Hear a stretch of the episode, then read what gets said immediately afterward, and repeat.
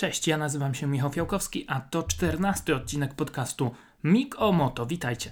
Zapraszam i przepraszam przede wszystkim, że tak długo trzeba było czekać na kolejny odcinek. Niestety e, kilka spraw niezwiązanych z motorsportem e, powstrzymało mnie od tego, żeby usiąść wreszcie i nagrać e, kolejny odcinek. Cóż mogę powiedzieć, jak wyrywacie zęby, to uważajcie, żeby wam nie zrobiły dziury w zatoce. No, tak, tak bywa, ale już sprawny mogę zabrać się do analizy tego, co działo się w ostatnich tygodniach. A działo się przecież no, z jednej strony bardzo dużo, a z drugiej strony, jeśli chodzi o MotoGP, to jednak e, niewiele, bo przecież ostatni odcinek podcastu to było podsumowanie Grand Prix Argentyny, Argentyny kosmicznego absolutnie wyścigu, w którym działy się prawdziwe cuda i po nim kolejna runda to było Grand Prix Ameryk na torze w Austin w Teksasie i w tym wyścigu E, to wszystko, co działo się na torze, wyglądało już e, zupełnie inaczej. Ale zacznijmy od początku, od czwartku, przed weekendem e, w Austin. Valentino Rossi i Mark Marquez spotkali się z dziennikarzami na prywatnych konferencjach prasowych, nie brali udziału w tej oficjalnej, która swoją drogą też była długa i ciekawa, bardzo interesująca, no ale o niej za moment. Valentino Rossi na tym swoim spotkaniu obstawiał przy swoim, potwierdzał, że nadal utrzymuje w mocy te słowa, które wypowiedział w Argentynie, że boi się jeździć z Marquezem, że Marquez zniszczył ten sport i tak dalej, i tak dalej. No, Mark Marquez powtarzał też to, co mówił w Argentynie, tłumaczył się, przepraszał, wyjaśniał o co chodziło z tym zamieszaniem na polach startowych, że już chciał zepchnąć motocykl z toru, no ale nie wiedział sam do końca jak się zachować i tak dalej i tak dalej. Obaj natomiast studzili emocje, ewidentnie starali się zamieść sprawę z Argentyny, tej swojej kolizji pod dywan. Na pewno też organizatorzy im to delikatnie zasugerowali. No i chyba dobrze, że tak się właśnie stało. A na tej konferencji, o której mówiłem, Jack Miller, Australijczyk, taki, no nie chcę powiedzieć, że nadworny clown cyklu MotoGP, ale rzeczywiście taki E, taki śmieszek, e, który zazwyczaj jednak dużo żartuje, dużo różnych ciekawych, śmiesznych rzeczy opowiada. Na konferencji wypowiedział się bardzo dojrzale, bardzo poważnie i e, podkreślał, apelował właściwie i do zawodników, i do mediów, i do kibiców, aby nie podkręcać tej atmosfery, aby nie powtórzyły się te animozje sprzed lat, kiedy to, nie wiem czy pamiętacie, ale w 2011 roku Dani Pedroza zderzył się z Marco Simoncellim podczas Grand Prix Francji na torze Le Mans. Simoncelli, no tam nie do końca, e, jak to powiedzieć, no nie najlepiej się zachował może Marco Simoncelli, bo zaatakował w taki mało rozsądny sposób e, Pedrozę. E, rzeczywiście Pedroza się przewrócił, złamał obojczyk, później po wszystkim Simoncelli chciał przeprosić, chciał podać rękę, Pedroza powiedział, że nie, że nie będzie z nim rozmawiał. No i Kilka miesięcy później Marco Simoncelli niestety e, zginął na torze Sepang w Malezji Dani Pedroza zawsze podkreśla, że bardzo żałuje tego, że e, nie podał mu tej ręki, że nie chciał zakopać tego e, toporu wojennego. No i tutaj Jack Miller przy, przywoływał właśnie tę sytuację, nawoływał do tego, żeby, żeby tak tych emocji nie nakręcać. No i oby tak było. Zresztą wyścig bardzo mocno te emocje ostudził, ale zanim do wyścigu przejdziemy, to warto jeszcze wspomnieć, że Randy Mamola, czterokrotny wicemistrz świata klasy 500, został wprowadzony do Alei Sław e, MotoGP e, w sobotę. Randy Mamola to właśnie taki Jack Miller, e, można powiedzieć, swoich czasów. Jeździł bardzo widowiskowo, bardzo spektakularnie, a poza torem też bardzo często było zdobą tych konferencji prasowych, tych wszystkich wydarzeń złotousty, można powiedzieć, i e, Jack Miller i e, Randy Mamola, no ale złotousty też e, Joan Zarco, który na konferencji prasowej w czwartek przed zawodami w Austin powiedział, no tak, Randy Mamola bardzo dużo robi dla MotoGP, ale on tak nigdy mistrzem świata nie był, a ci, co mistrzami świata byli, w tej galerii sław nie są, no i czy to tak dla nich w porządku? Zaskakujące te słowa Joana Zarko naprawdę bardzo mocno, bo rzeczywiście z jednej strony może i no nie był tym mistrzem świata Randy Mamola, ale bardzo, bardzo dużo dobrego zrobił e, nie tylko dla cyklu Grand Prix, ale też e, dla no, świata, można powiedzieć, bo to Randy Mamola założył tę organizację charytatywną Riders for Health i zebrał naprawdę miliony, miliony dolarów na pomoc potrzebującym w Afryce, na tanie motocykle dla nich przede wszystkim i na naukę serwisowania tych motocykli, co pomaga e, lekarzom, różnym służbom docierać do e, tych najbardziej odległych zakątków e, Afryki, nieść pomoc po prostu na tym kontynencie. Także Randy Mamola, człowiek legenda, absolutnie. Przejdźmy do soboty. W sobotę znów trochę kontrowersji, bo podczas kwalifikacji Maverick Vinales E, przyblokowany przez Marka Marqueza. Marquez najpierw się przewrócił, później wrócił na tor na drugim motocyklu, no i tak jak wyjeżdżał, to e, właśnie w ostatnim sektorze przyblokował e, Winialesa. Wydawało się w pierwszej chwili, że on tam zerka na telebim i widzi, że Winiales za nim jedzie i może to tak trochę po złości niektórzy sugerowali, ale później Marquez tłumaczył, że E, po prostu widział przed sobą Andrea Janone. No i rzeczywiście, jak się obejrzy powtórkę, to widać wyraźnie, że tam kawałek przed nim jedzie Janone i po prostu czeka, żeby złapać się na hole. A pamiętacie, co się działo w Australii w poprzednim sezonie, kiedy to e, Mark Marquez w sprytny sposób też w kwalifikacjach zgubił Andrea Janone, wjechał do boksu, później niby z niego wyjechał, ale jak już Janone ruszył, to Marquez się schował. Także e, tutaj się Marquez z tego wszystkiego E, wytłumaczył, a po wszystkim powiedział w jednym e, z wywiadów, e, że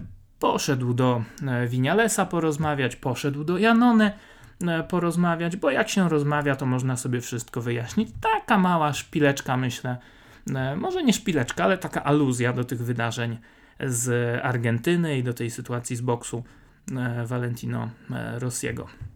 No i to by było na tyle, jeśli chodzi o sobotę, w niedzielę wyścig.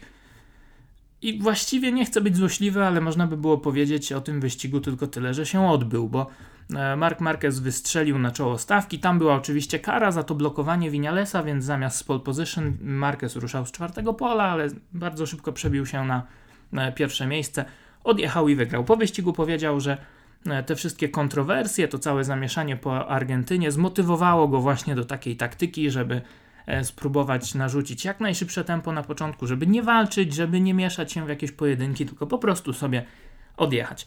No i tak też zrobił, tak też się stało. Podium uzupełnili Vinales i e, Janone. Vinales podkreśla, że czuje się coraz lepiej w, w Yamasze, czuje się coraz lepiej na motocyklu, zespół pracuje coraz lepiej, są coraz bliżej. No i to nas wszystkich e, bardzo cieszy. Janone z kolei E, pod ostrzałem w ostatnich czasach potrzebował takiego wyniku, więc dobrze, że na tym podium się znalazł. Ciekawe, czy utrzyma taką dobrą pasę Andrea e, Janone, bo przecież dużo mówi się o tym, że może zabraknąć dla niego miejsca w Suzuki w kolejnym sezonie. Do tych kontraktowych historii wrócimy za chwilę.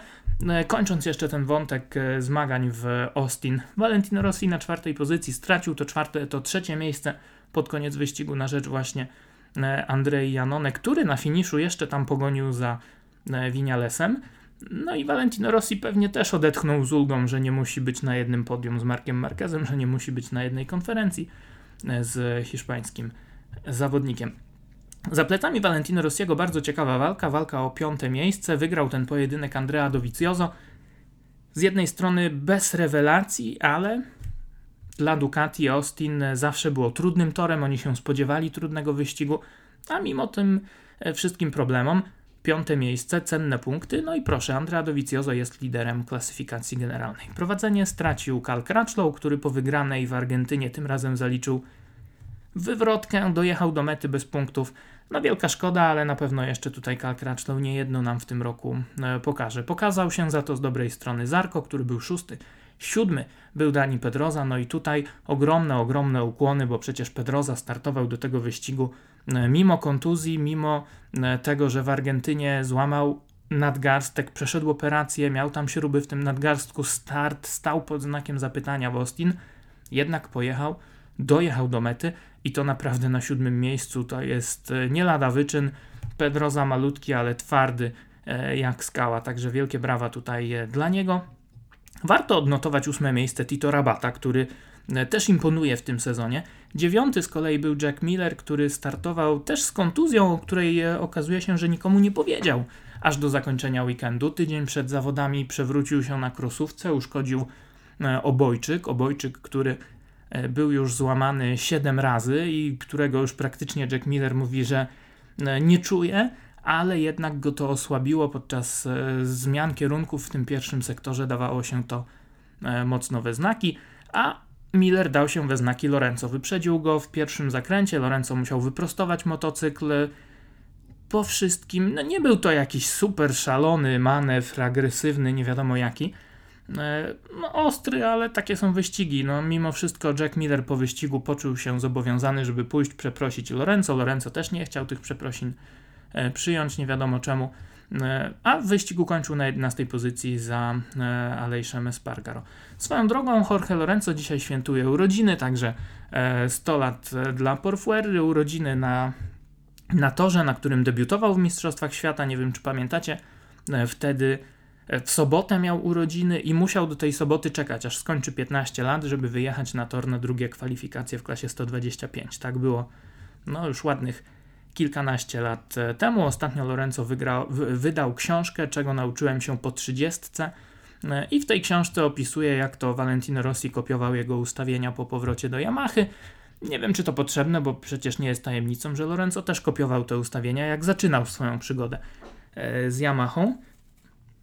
No ale cóż, panowie lubią sobie takie szpilki czasami e, wbijać. Nie wiem, czy ta książka się ukaże w języku angielskim, nie mówiąc już o polskim, na razie jest dostępna tylko po hiszpańsku. E, no i do tej Hiszpanii właśnie w tej chwili się udajemy, bo przed nami weekend w Jerez de la Frontera, czwarta runda sezonu MotoGP, pierwsza europejska, jeden z najlepszych torów na świecie, jedna z najlepszych rund absolutnie w kalendarzu E, MotoGP, południowa Hiszpania, Andaluzja, przepiękne rejony słynące z Sherry, e, Jerez de la Frontera, Sevilla, no naprawdę jest tam, jest tam co zwiedzać, jest tam co oglądać, bardzo bliziutko na Gibraltar, e, także warto sobie, w, jeżeli was tam nie ma w tej chwili, to zaplanować taki wyjazd w kolejnych latach, połączyć to sobie właśnie z taką motocyklową majówką, klimat w mieście naprawdę E, niesamowity. Nie czuć tego na przykład aż tak mocno, jak się pojedzie na e, Grand Prix e, Katalonii do Barcelony, no bo to jest wielkie miasto, ten tor jest też na uboczu, ale chyba nawet jeszcze trochę dalej niż, niż Jerez.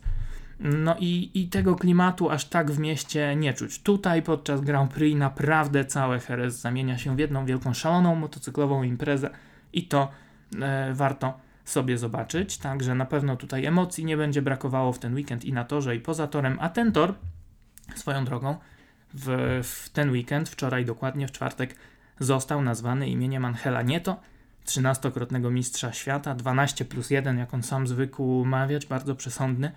Angel Nieto niestety e, zmarł rok temu po wypadku e, drogowym, został uderzony przez e, samochód, kiedy jechał na kładzie. E, ogromna strata, no ale wspaniale jest też e, ta jego pamięć czczona przez padok e, na każdym kroku i właśnie ten tor w Jerez imieniem Angela Nieto został wczoraj nazwany. Tor otrzymał też nowy asfalt, no i to jest bardzo ważna informacja. Nowy asfalt, na którym już praktycznie wszyscy testowali, a niektórzy, tak jak Honda, to nawet dwa razy ale nie testowała tam Yamaha i to może być bardzo ciekawe, bo Yamaha w zeszłym roku miała w Jerez, no jeszcze na tym starym asfalcie, bardzo duże problemy no i Maverick Vinales i Valentino Rossi problemy z przednią oponą. Co ciekawe, dwa lata temu yy, Rossi wygrał przed Jorge Lorenzo, który wtedy jeździł w Yamasze, więc jakby zupełnie inaczej to wyglądało. W zeszłym roku zmieniło się to o 180 stopni. Pamiętacie, tak samo było później w Barcelonie, na torze, na którym Rossi dwa lata temu wygrał. W zeszłym roku był daleko. Podobnie było e, z Vinalesem, także zobaczymy, co nam tutaj e, Yamaha w ten weekend e, pokaże. Naj, najczęściej w ostatnich latach wygrywał w Jerez Dani Pedroza, bo aż 6 razy. Wygrywał także, kiedy startował mimo kontuzji, wracając zaraz po jakichś tam operacjach, także no, no uważajcie na niego e, w ten weekend, ale najwięcej zwycięstw w ogóle ma właśnie Valentino Rossi na tym torze, bo aż 9. E, pierwszy raz, e, kiedy w swoim pierwszym sezonie startował Valentino Rossi w 500, to właśnie w Jerez, wtedy w trzecim swoim wyścigu na NSRC 500, zdobył swoje pierwsze podium w królewskiej klasie. No później było to słynne zderzenie z Sety Gibernau w 2005 roku, które też było wielokrotnie przywoływane w, w mediach po tym zamieszaniu z, z Argentyny, także zobaczymy, co się wydarzy tym razem, bo przecież też i Marquez tam się zderzał z Jorge Lorenzo w ostatnim zakręcie, zakręcie swoją drogą imienia Jorge Lorenzo, także mogą się dziać w Jerez prawdziwe cuda. A dużo się też działo już w ten weekend poza torem, bo w czwartek poznaliśmy skład zespołu KTM, fabrycznego zespołu KTM na dwa kolejne lata i wiemy już, że do Pola Espargaro dołączy Joan Zarco. Francuz, jak się okazuje, odrzucił ofertę Repsol Hondy i dosyć pokrętnie to wczoraj tłumaczył na konferencji prasowej. Wygląda na to, że chyba nie chciał być takim numerem dwa u boku Marqueza, no a po drugie też zdaje sobie sprawę, że E, Honda wymaga bardzo agresywnego stylu jazdy, a on jeździ wyjątkowo płynnie. Tego nauczyła go Yamaha przez te już prawie dwa lata startów e, w zespole Tech 3. No, pytanie, jak to będzie z KTM-em, bo on też wymaga trochę bardziej agresywnego stylu jazdy e, niż Yamaha, ale przynajmniej Joan Zarco będzie tam numerem jeden w zespole. Wraca do tych dwóch marek, a więc do KTM-a i do Red Bulla, z którymi E, wygrał przed laty ten puchar Red Bull Rookies Cup, to mu otworzyło drzwi do Mistrzostw Świata, więc może to wszystko e, fajnie w jego przypadku się e, rozwinąć. Chociaż z drugiej strony myślę, że też Pole Spargaro będzie go dosyć mocno naciskał. Z kolei ciężkie chmury nad Bradleyem Smithem, no bo on jest, brzydko mówiąc, na wylocie. No i Brytyjczyk chyba sam nie do końca wierzy w to, co mówi o tym, że może uda się pozostać w tej rodzinie KTM, a wrócić do Tech 3. No, raczej to się nie uda, także Bradley Smith musi szukać dla siebie nowego pracodawcy, nowego motocykla, a kto wie, może i e, nowej e, serii wyścigowej, bo coś w ostatnich latach po zmianie opon na Micheliny nie może się nam Bradley Smith w MotoGP e, odnaleźć. No tak, ale skoro wiemy, że Joan Zarco miał ofertę od Repsol Hondy, no to co z Danim Pedrozą? Alberto Pucz, szef zespołu, mówi, że oni jeszcze trochę potrzebują czasu, żeby podjąć decyzję. Mają ten czas, zobaczą jak się będzie sytuacja rozwijać, więc Pedroza jest pod presją, musi pokazać wyniki, a inni mogą to wszystko wykorzystać. I wykorzystuje to na przykład Andrea Dovizioso, który e, z jednej strony jest wymieniany przez Marqueza jako e, jeden z dwóch najszybszych obok Pedrozy, E, a z drugiej strony już wiemy, że odrzucił pierwszą propozycję kontraktową Ducati. Podobno tam około 5 milionów euro wchodziło e, w grę, no ale jak wiemy, teraz Dovizioso zarabia dwójkę, Lorenzo 12 milionów euro rocznie, więc e, będzie raczej równał do tego wyniku Hiszpana i to, i to znacząco. Także zobaczymy, co się wydarzy. Ja jestem przekonany, że jednak Dovizioso dogada się z Ducati, ale może sobie tę Hondę wykorzystać jako taką właśnie gierkę kontraktową.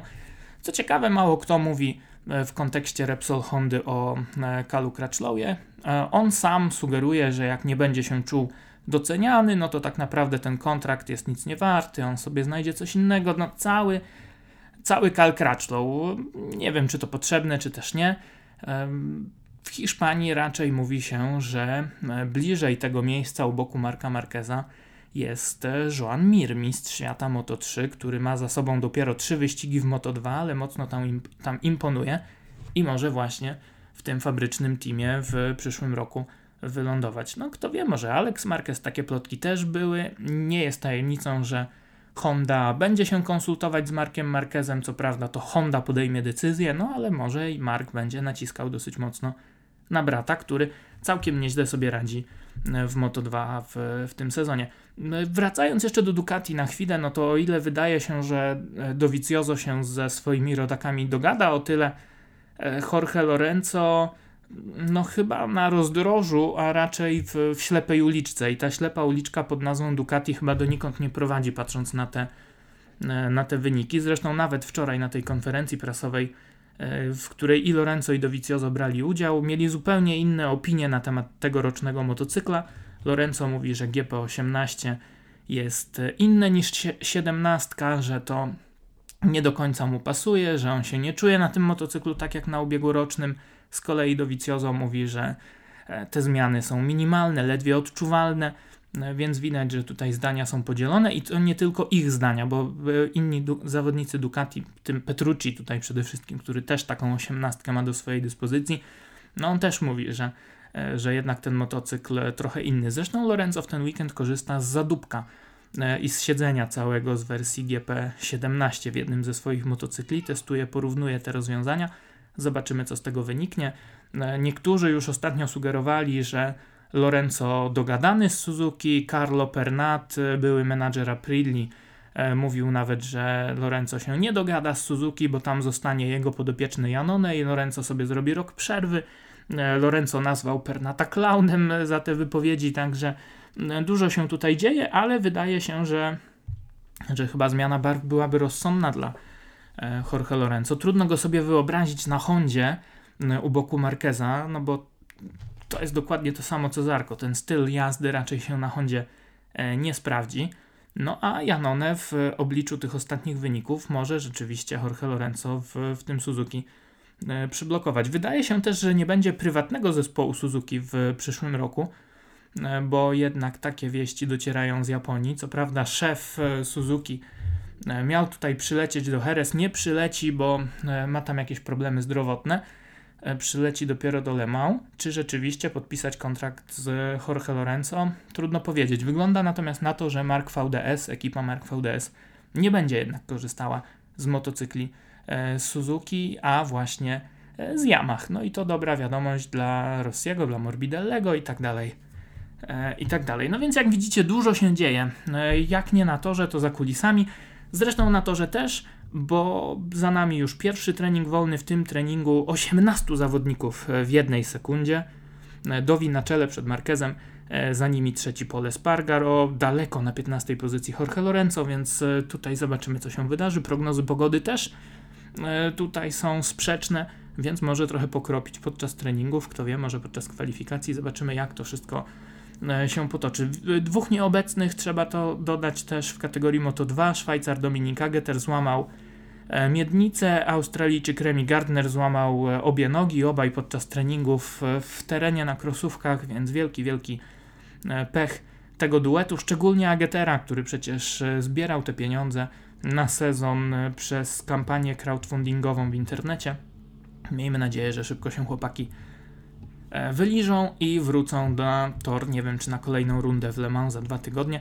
E, tymczasem oczywiście wracamy do Europy, wracamy do tego klasycznego harmonogramu, więc wyścig MotoGP w niedzielę o godzinie 14, e, ale to nie jest jedyna rzecz, która się dzieje w ten weekend, bo na Słowacji pierwsza runda Alpe Adria i tam oczywiście mnóstwo polskich zawodników w klasie Superbike. Szalenie ciekawa walka się zapowiada, bo Paweł Szkopek zmierzy się ze swoim bratem Markiem, który debiutuje na Superbike'u e, i obaj zmierzą się e, na, na pewno na czele e, tej stawki, przynajmniej w ten weekend, z duetem ekipy Yard, czyli Yamaha Austria Racing Team. Brock Parks i Marvin Fritz, zawodnicy z FIM EWC, startują w ten weekend, po części rozgrzewkowo na Słowacji, bo za tydzień tam właśnie EWC, ale podobno mają jechać też, y, jak nie wszystkie, to kolejne jakieś tam wybrane rundy y, Alpe Adri, więc zapowiada się naprawdę bardzo ciekawie. Brook Parks przecież jeszcze niedawno jeździł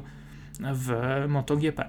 E, za tydzień właśnie też na Słowacji runda e, film EWC. Mam nadzieję, że będę na miejscu i trochę Wam kulisów tutaj e, pokażę, nie tylko w takim specjalnym odcinku podcastu, ale też E, trochę filmików, trochę nagrań, trochę relacji z zakulis e, na Facebooku i na Instagramie. W ten weekend także e, druga runda Mistrzostw Włoch Chief, no i tam oczywiście w klasie Superstock, Super Sport 300 nasz polski rodzynek Daniel Blin. Ostatnio świetny pierwszy wyścig Daniela w Mizano, później dwa starty w Mistrzostwach Świata 300. Pierwszy w Aragonii dosyć trudny, Drugi w Asen zdecydowanie e, lepszy, dobre tempo Daniela, no ale niestety pechowa wywrotka. E, w Chivie były punkty w Mizano w pierwszym wyścigu, więc zobaczymy jak będzie teraz. Skomentuję te wyścigi dla Was na antenie N-Sport Plus. Niestety nie na żywo, ale w sobotę o 17.30, w niedzielę o 22.30 będzie można te wyścigi obejrzeć w N-Sport Plus. Z kolei będą one także na żywo do obejrzenia na Facebooku z włoskim komentarzem na Facebooku E, serii Elf Chief, więc możecie to e, tam znaleźć. Mówiłem już o tym, że e, w ten weekend Alpe Adria, Słowacja, za tydzień endurance. Te endurance były też dwa tygodnie temu. Mieliśmy wyścig 24 godziny Le Mans, wygrany przez FCC TSR Honda. Tam też dwa polskie zespoły. W ekipa LRP Poland na 22 miejscu. Daniel Bukowski, który zaczynał weekend w barwach Wójcik Racing Teamu, ostatecznie jako rezerwowy wypożyczony do teamu Slider Endurance i był 23, a chłopaki e, z Wójcik Racing Teamu niestety zatrzymani przez e, awarię e, silnika po 6 godzinach. Wielka szkoda, ale będzie okazja, żeby się odkuć właśnie za tydzień. Jak chcecie sobie więcej poczytać o tym, co się działo właśnie na wyścigu w Le Mans, to już lada dzień dosłownie w kioskach pojawi się nowy numer dwumiesięcznika Motormania i tam znajdziecie obszerną relację z Le Mans, znajdziecie fajne zdjęcia. Tam też znajdziecie materiał, który praktycznie przygotowywałem pod kątem podcastu, ale wyszedł na tyle fajnie, że postanowiłem go e, także umieścić w Motormanii. Mianowicie materiał o tym, jak powstaje relacja telewizyjna z wyścigów e, MotoGP. Ile osób nad tym pracuje, jak to jest reżyserowane, ile kamer, ile kabli, e, ile tego wszystkiego, jak to działa, kto za to odpowiada. E, bardzo, bardzo fajny, ciekawy materiał. Będzie w najnowszym numerze Motormani przez dwa kolejne miesiące w kioskach. Może później, jak już ten numer z kiosków zniknie, to taki odcinek też o tym nagram, ale naprawdę do tego zachęcam do lektury, bo jest to szalenie ciekawe. Przynajmniej dla mnie. Mam nadzieję, że dla Was również na koniec. E, mnóstwo, mnóstwo zdrowia dla Patryka Kosiniaka, który cały czas e, kuruje się po tej ubiegłorocznej kontuzji nogi, no i cały czas pod tę nogę jakieś kłody są mu rzucane, ale mam nadzieję, że, że to już koniec problemów i teraz wszystko będzie dobrze, także dużo zdrówka dla Kosy. Wam z kolei życzę wspaniałej majówki, miłego oglądania MotoGP, miłego oglądania E, włoskich superbajków, e, czy też robienia, co sobie tam zaplanowaliście e, na weekend, bo nie każdemu chce się siedzieć przecież przed telewizorem, kiedy za oknem taka piękna pogoda. W kolejnym odcinku podcastu Mikomoto słyszymy się po weekendzie. To będzie podsumowanie tego, co wydarzy się w Jerez, podsumowanie tego, co wydarzy się na Mugello w Mistrzostwach Włoch, no i także na Słowacji w Alpe Adria. Także do usłyszenia, miłego weekendu, trzymajcie się, cześć!